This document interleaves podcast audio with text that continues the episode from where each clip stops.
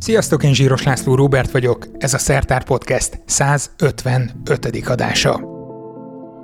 Képzeljetek el egy veszélyes munkahelyet. Egy olyat, ahova már a helyszínre érkezés sem oldható meg mindenféle biztosító berendezésekkel felügyelt műszaki megoldások nélkül. A munka pedig olyan körülmények között zajlik, amivel itt a földfelszínen nehezen tudunk azonosulni.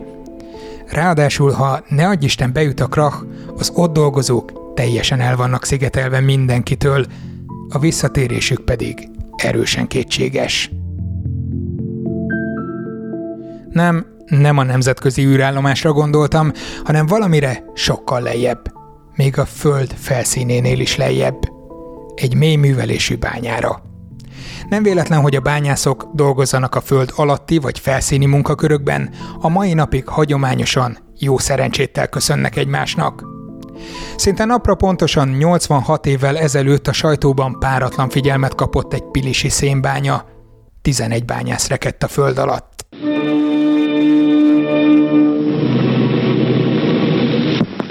mentőcsapat éjjel-nappal a mérnök vezetése mellett állandóan azon van, hogy amíg benreket 11 munkást kihozzuk.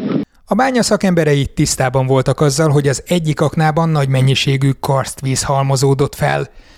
Azt azonban valószínűleg senki nem tudta felmérni, hogy ez a víz a szomszédos Sojmár akna is betörhet. Abba, ahol a bányászok éppen dolgoztak. 245 méterrel a föld alatt. Sajnos kevés remény van ahhoz, hogy mind a 11-et élve tudjuk kihozni, mert négy ember, az az beáramló víztömeg valószínű elsodorta. A többi hét emberre remény van, hogy egy-két napon belül felszínre tudjuk hozni. A vízbetörésnek kitett szinteken 11-en dolgoztak. A vágathajtást végző két vájárt azonnal elsodorta a víz. Az egyikük holteste soha nem is került elő. Kilencen azonban egy zárt üregbe tudtak menekülni, ahol maradt elegendő levegő a fentről irányított mentőcsapatok megérkezéséig. Öt teljes napig vesztegeltek a föld alatt. A szerencsétlenséget okozó víz központi témája lesz a mai adásnak. Legkevesebb 30-an haltak meg Afganisztán északi részén Badakhshan Legalább 16 bányász egyik alagútja beomlott. A szombati bányomlás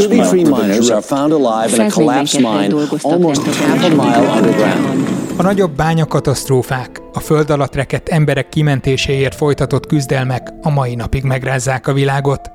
Márpedig nyersanyagra szükség van. Leginkább azért, mert Európa nagyon kitett kiszolgáltatott nyersanyagellátásba. Körülbelül a 4%-át termeli meg Európa a saját ásványi nyersanyag felhasználásának, 96% importból származik. Ez már Zajzon Norbert, a Miskolci Egyetem Műszaki Földtudományi Karának docense egy múlt heti sajtótájékoztatón. Ez a nyersanyagészség az oka annak, hogy bizonyos régen felhagyott bányákban újra fontolgatják a kitermelés megindítását. Na várjunk csak egy kicsit. Nem azért hagytak fel a műveléssel, mert már nem lehetett gazdaságosan kitermelni az érceket. Mindig egy gazdasági kérdés, hogy éppen milyen fejlett a technológia, valamint mennyi a nyersanyag áram. Ahogy Norbert elmondta, csak borzalmas volt a hangfelvétel, úgyhogy most inkább tolmácsolom nektek. Egy bánya soha nem azért zár be, mert az utolsó szögig kisepertünk belőle minden haszonanyagot, hanem azért, mert az adott technikai színvonalon már nem érné meg tovább a kitermelés. Például a 80-as évek közepén a rész gazdaságossági határértéke 1% körül volt, ma ugyanez két ezrelék körül mozog. Tehát azt az ércet, aminek a résztartalma 0,8% volt, 30 éve már nem érte meg kitermelni, ma viszont ugyanaz, ha nem is aranyat, de legalábbis rezetérő, jó minőségű ércnek számít. Erre a nyersanyagészségre mindjárt visszatérünk, arra is, hogy milyen biztató fejlesztések vannak ezen a téren, de arra gondoltam előbb megkérdezek a témában valakit, akiről történetesen tudom, hogy járt már bányában, sőt, ha az előbb a réz szóba jött, sok-sok évvel ezelőtt még gyermekkoromban engem is levitt Magyarország akkori legmélyebb bányájába, Recskre. Hello. Szia, én vagyok, mehet a felvétel? Na, oké. Okay. Szeretnék kérni először is egy bemutatkozást. Zsíros László vagyok. Hát igen, a névegyezés nem véletlen, az apámról van szó. És mi között van neked a bányákhoz? Hát az, hogy én 8 és fél évet dolgoztam bányában, föld alatt, illetve azt követően 30 évet a bányafelügyeletnél dolgoztam. Jó, akkor nézzük a következő kérdést. Miért olyan veszélyes környezet egy bánya? Hát többféle bányaveszélyről beszélhetünk. Az egyik talán a legismertebb az omlásveszély, hiszen föld alatti üregek vannak, amit mesterségesen válnak ki. Megfelelő biztosítással ezzel ellen lehet védekezni, de mégis előfordul, amikor bizonyos bányaszakaszok beomlanak, maguk alá temetve akár embereket is. Több ilyen eset is előfordult már, ez az egyik fajta veszély. Másik fajta veszély a vízveszély. A bányát különböző kőzetek veszik körül, amelyek vizet tartalmaznak. Ha most ha ezt a kőzeteket megnyitjuk, akkor a víz az szabaddá válik, beáramlik a bányákba. Ezt szivattyúzással szokták eltávolítani, nagy teljesítményű szivattyúk nyomják a külszínre az összegyűlt vizet. Ettől függetlenül azért előfordult már több esetben, hogy betört a víz, úgy is nevezik, hogy vízbetörés, ami megint csak emberek életét veszélyezteti. Sajnos volt olyan eset is, amikor halálos kimenetelő volt. Azoknál a bányáknál, ahol éghető anyagot termelnek ki, mint például a szén, az egy eklatás példa, itt megjelenhet a tűzveszély, vagyis begyullad a szén, akár öngyulladással, akár egy külső forrás hatására. A negyedik ilyen veszélyforrás, ami megint csak szénbányáknál fordul elő, általában ez a robbanás veszély. Ugyanis vannak olyan bányák, amelyek metán tartalmaznak, a metánnak és a levegőnek egy meghatározott keveréke, 5 és 15 százalék arányú közötti keveréke, az robbanóképes. Bizonyára hallott már mindenki a sújtó légrobbanásról, nos hát erről van szó, ez az a bizonyos robbanás veszély. Az előbb mondtad, hogy a vizet folyamatosan szivattyúzni kell a bányákból a vízbetörések megakadályozása miatt, de mi van akkor, hogyha felhagynak egy bánya művelésével? Ha felhagynak egy bányaműveléssel, akkor a víz a szabadon beáramlik ezekbe a nyitott bányatérségekbe, és teljes egészében elönti a bányát. Egyik ilyen példa a Recski bánya, amely több mint ezer méter mélységű volt, azt be kellett zárni, hát most a gazdasági körülményeket nem részletezem, hogy miért.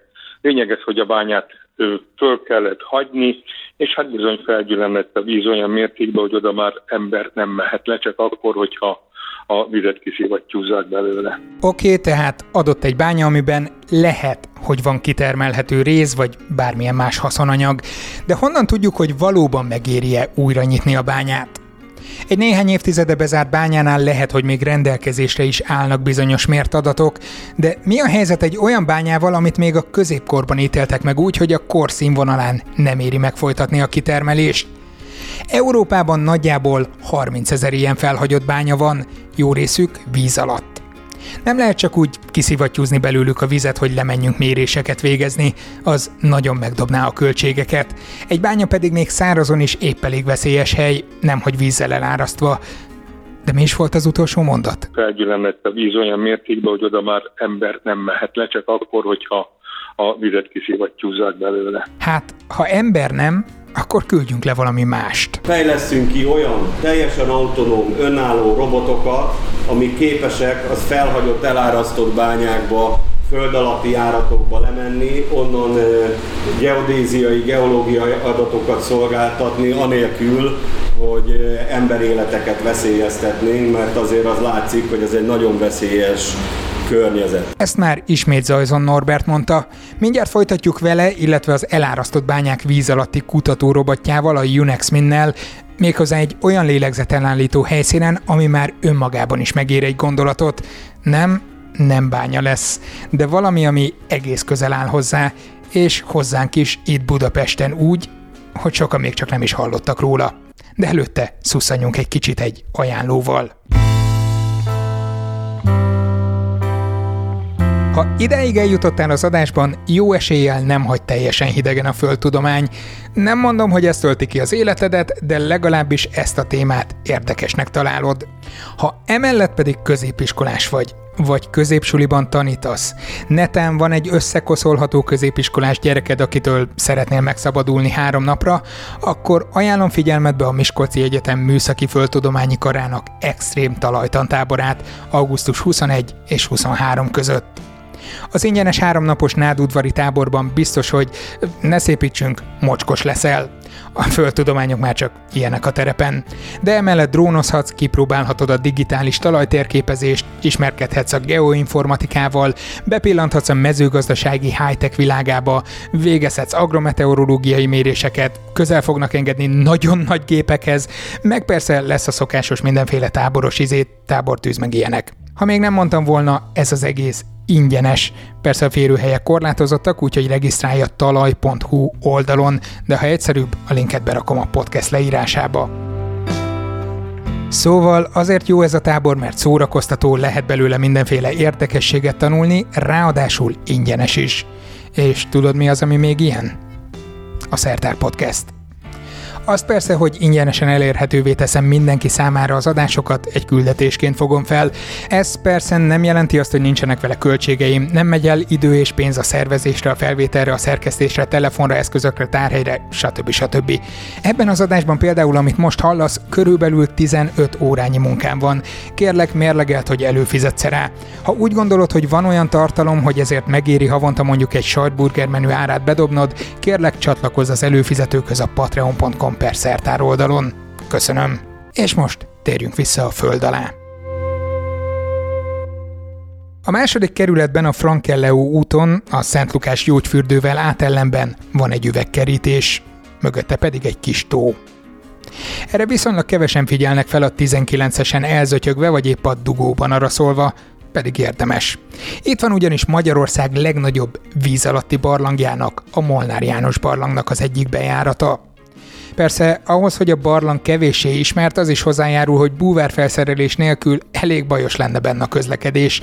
Érthető, hogy nem tolong a nagy közönség. Persze ez nem is feltétlenül baj egy fokozottan védett barlangban, de ha itt vannak a föld és víz alatti terek, zegzugos járatok, Nekünk pedig van egy robotunk, amit arra fejlesztenek, hogy föld és víz alatti zegzugos járatokat kutassanak fel. Nem lehetne ide is leengedni? Ó, de hogy nem. Olyannyira, hogy múlt héten itt volt a robotok egyik tesztmerülése. Ez egy jól ismert járatrendszer, és itt a búvárok, hogyha bármi rizikó lenne az autonóm robotok szabadon engedésével, akkor ki tudnák menteni a robotokat.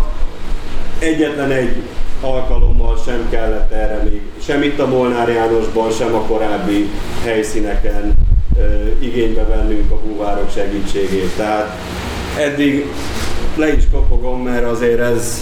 Én úgy készültem, hogy a három robotból, ha egyet elhagyunk a végére, az jó, de egyelőre még minden megvan, és komolyabb veszteségek nélkül. És nem csak a robotok tesztmerülése volt, hanem a Unexmin ezzel egybekapcsolt sajtótájékoztatója is. A Unexmin egy betűszó, Underwater Explorer for Flooded Mines, vagyis elárasztott bányák víz alatti kutatórobotja, ami egy Horizon 2020-as pályázat keretében készül. A programban 12 kutatófejlesztő csoport vesz részt, szerte az EU-ban, magyarok, portugálok, finnek, franciák, angolok, spanyolok és szlovének.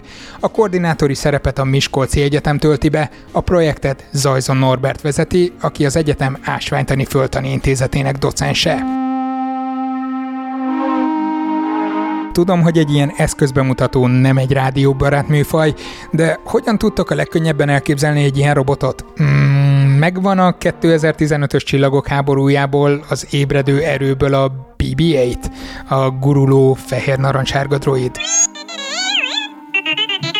Na, pont olyan, mint ő. Csak nem fehér-narancsárga, és nincs feje. Csak egy gömb. Egy 60 centis óriás golyó, tele mindenféle műszerekkel.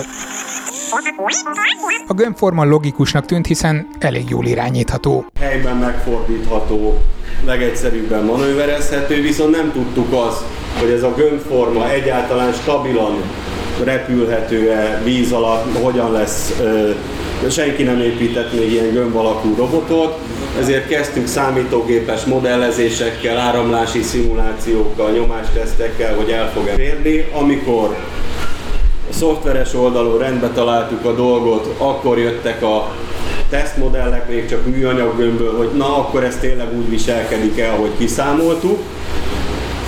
És mivel hogy biztatóak voltak az eredmények, kezdődött meg a gyártása a robotnak. Az irányíthatóság viszont csak egy szempont. Az alapkoncepció az volt, mivel hogy középkori vágatokat is tárjunk fel, amik viszonylag szűkek. Ugye egy modern bányában nincsen gondom, mert gépesített, minimum 2-3 méteres járatszélességek vannak, tehát oda lehetne nagyméretű robotokat fejleszteni, viszont a középkorban, hogy kézzel fejtettek, szigorúan csak azt bányázták, ami szükséges volt, vagy maximum, hogy egy ember elférjen, az 60 centi. Ebből adódott, hogy a robotnak is 60 centibe bele kell férnie. Ez pedig óriási mérnöki kihívás, mivel tudnia kell lebegni, a korlátozott térfogatából adódóan 112 kilónál nem lehet nehezebb. Amikor kezdetekkor három lassan három és fél évvel ezelőtt összeszedtük az igényeket, hogy ki mit szeretne beletenni, négyszer ekkora súlyjal és négyszer ekkora térfogattal indultunk, és a miniaturizálás volt az egyik legnagyobb kérdés. A méret tehát az egyik probléma. A másik, hogy egy nyílt tengeren nem lenne gond például leereszteni kábellel egy szenzorokkal megpakolt egységet, a bányák tárnáiban vagy a barlangjáratokban viszont elakadhatnak a kábelek. Az autonóm működés már csak ezért is fontos. De van még egy apró probléma a föld alatt. Nincs GPS. Pont ez a nagy kihívás a víz alatt, a kommunikáció. Vagy kihúzom a kábelemet, vagy nagyon nagy eszközök kellenének, tehát tényleg tonnában lehet, kellene mérni akkor a robotot, hogy olyan eszközöket tudjunk, hogy online fenntartsuk vele a kommunikációt, egyébként nincsen. Tehát megnyomod, full automatán elmegy az ismeretlenbe, és remélhetőleg ugyanoda vissza is jön, ahonnan elengedted. Alján van egy DVL, tehát amellett, hogy, hogy kint vannak szenzorok és méri a teret, van benne egy taktikai minőség, katonai minőségi gyroszkóp, optikai gyroszkóp, ami a föld forgásához méri az irányt, és azzal a, a, az elmozdulást méri. Mindenkinek van ilyen a mobiltelefonjában, csak a mobiltelefonban az 50 eurós változat van, ebben meg a 35 ezer eurós változat van, de ez sem elég. Az alján van egy olyan szonár, egy DVL, Doppler Velocity Log, ami akusztikus alapon a falhoz méri a sebességet, valamint a vízben lévő apró buborékok és részecskékhez a folyadék közegáramlás sebességét is méri. Nem csak nekünk, a robotnak is készülnie kell arra, hogy mi, a, mi van akkor, hogyha befelé folyik a víz, ő megy az áramlással, nem használ annyit az akkumulátorral, tudnia kell, hogy mennyi az áramlás befelé, hogy úgy forduljon meg, hogy elég legyen az aksi kifelé. Ez sokkal egyszerűbb lenne a Holdon vagy a Marson megcsinálni, és ezt komolyan is gondolom. Mert körülbelül ugyanezekkel a problémákkal kell szembesülni, kivéve az, hogy itt mondjuk 50-60 báros vízmélység. Fel tudjuk tárni jelentős részét ezeknek a járatoknak, 500 méteres vízmélységre terveztünk meg mindent, biztonsági tartalékokkal az azt jelenti, hogy 60 bárig kellett mindent letesztelni, ami a fedélzeten van. Körülbelül 5 órát tud a víz alatt prüntyögni a robot, ez alatt pedig néhány kilométer távolságot tapogat le kényelmesen. Gyakorlatilag az összes eszköz a roboton egyedileg fejlesztett kütyű, egyszerűen azért, mert a kutatók nem tudtak visszanyúlni hasonló körülmények közé fejlesztett korábbi megoldásokért, mert nem voltak hasonló körülmények közé fejlesztett korábbi megoldások. Ott van a lézeres távolságmérés példája. Lézeres távolságmérés az ugye felszínen ismert, lidar, mondjuk rendőröknél a sebességmérés, bármi, az működik, de ott elküldöm a lézernyalábot, egy pontra visszajön, és annak az egy pontnak megmondom a távolságát, sebességét.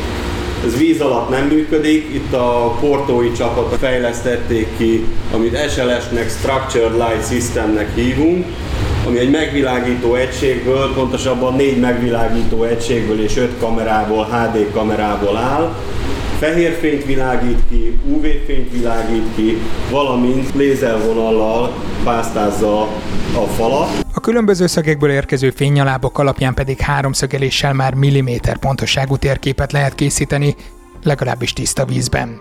Zavaros vízben szonárral tapogatja végig a járatokat, itt pedig már adódhat 3-10 centis pontatlanság, de azért jegyezzük már meg, hogy még ez is elképzelhetetlenül pontosabb, mint amit valaha is egy több száz éve víz alatt lévő bányáról készítettek. Szóval ott van az a sok különböző tartományokban villózó nyaláb. Mindez úgy van összeszinkronizálva, hogy teljesen működő fehérképet látok, miközben pedig megy a 3D mérése a térnek, és már csak ezt megvalósítva nincs olyan robot, ami, ami ezt képes lenne víz alatt bemutatni, és utána jön még az összes többi eszköz. Például az a Miskolci Egyetemen fejlesztett műszeregyüttes, ami rengeteg olyan mérés képes végezni merülés közben, ami hasznos geológiai adattal látja el a szakembereket, a bányafal kémiai összetételétől, a vízminőségen át, akár a tárnapadlóján felhalmozódott üledékállagáig. A robot egyelőre távérzékeléssel gyűjt adatokat, egyelőre. Majd a következő generációs robotokra tervezünk olyat, hogy akkor már falból fúrással, dalárással, mondjuk egy, mint ahogy a Marson megvalósul, ahhoz hasonló eszközökkel mintavételt is tudjunk végezni. Persze ezt a rengeteg begyűjtött adatot fel is kell dolgozni. Készültünk úgy, hogy elég lesz nekünk egy nagy teljesítményű PC a, a számítógépben. Most ott járunk, hogy hé, négy darab i7-es PC van a a fedélzeten, hogy képes legyen ezt az adatmennyiséget lekezelni, részben felszínen földolgozni és eltárolni. Utána, miután felkerült a felszínre, akkor pedig mi dolgozzuk fel az adatokat. Cross processing részben tervezzük a Miskolci Egyetemen található szuperszámítógépen elérhető számítási kapacitás beüzemelését is mert ez már, ez már tényleg az a kategóriájú adatmennyiség, amit hatéko, hatékonyan a szuperszámítógépek kategóriájával lehet megvalósítani. Az egy dolog, hogy kapunk egy pontfelhőt telistele értékes adatokkal, de azért a látvány irányába is ki lehet kacsintgatni. Az általunk felmért bányába mondtam azt, hogy letérképezzük 3D-ben a falat, az fogadni egy nagyon szép 3D képet. Viszont e, mondjuk egy ilyen pontfelhő. De erre vissza tudom én vetíteni az optikai képeimet, és utána a virtual reality sisakkal ebbe bemenni. Tehát remélhetőleg szeptemberre, ha feldolgozzuk az adatokat, akkor például megcsinálhatja azt az ember, hogy úgy lesétál a Molnár János barlangnak a felmért részeire, és körbenéz, mint egy búvár, csak mint ez fönt egy biztonságos szobában teszi meg. Persze ez nem, vagy nem csak az érdekesség miatt fontos, rengeteg automata bányászati funkciók kidolgozásához lehet még hasznos, és persze, ahogy mondani szokták, a felhasználási területek tárháza kimeríthetetlen. Az egészet nyersanyagkutatásra fejlesztettük ki, de nem csak nyersanyagkutatásra használható elárasztott bányákra. Erre egy remek példa a Molnár János barlang, tehát víztárolók, sóbányák, barlangi üregek, mentési szituációk. A Unex Min projekt célja az volt, hogy egyrészt elkészüljön három prototípus, másrészt pedig, hogy egy céget alapítsanak rá, amit tovább viszi a fejlesztéseket, és végül termékként dobja a piacra a víz alatti felderítő robotokat. Örömmel jelenthetem, hogy ez a cég megalakult egyébként budapesti bejegyzéssel, szintén Miskolci Egyetemi vezetéssel, és a három robotból már kettővel elkészültünk, tehát ütem szerint halad a pályázat. Juhú! Na jó, persze örülök a Unex még mindenféle sikerének, de azt azért már nagyon várom, hogyha búvár felszerelésben nem is, de VR szemüvegen keresztül végigjárjam a Molnár János barlangot.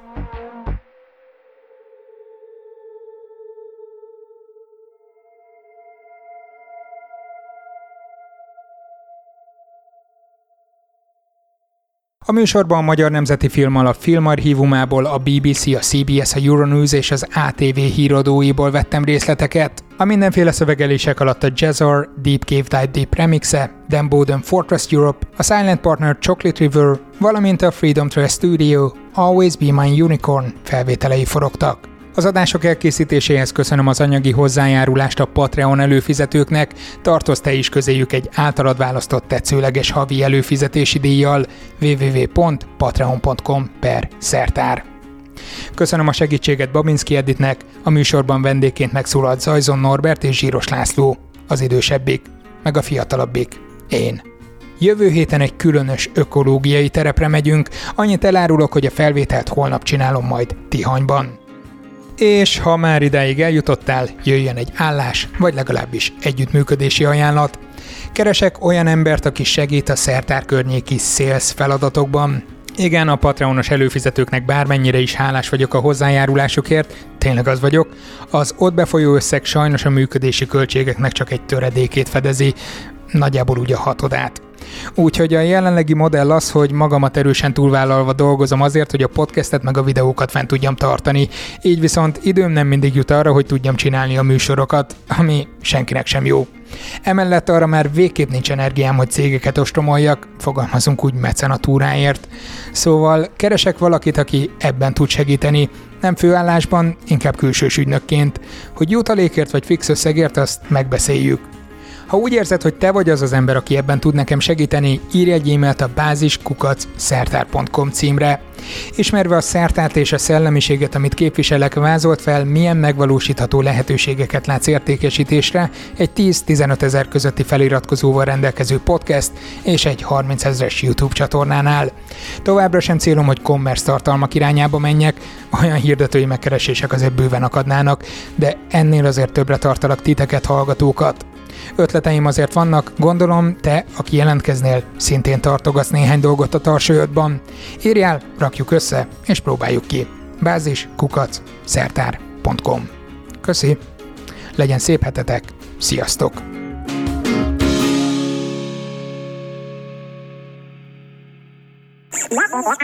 Ez a műsor a Béton közösség tagja.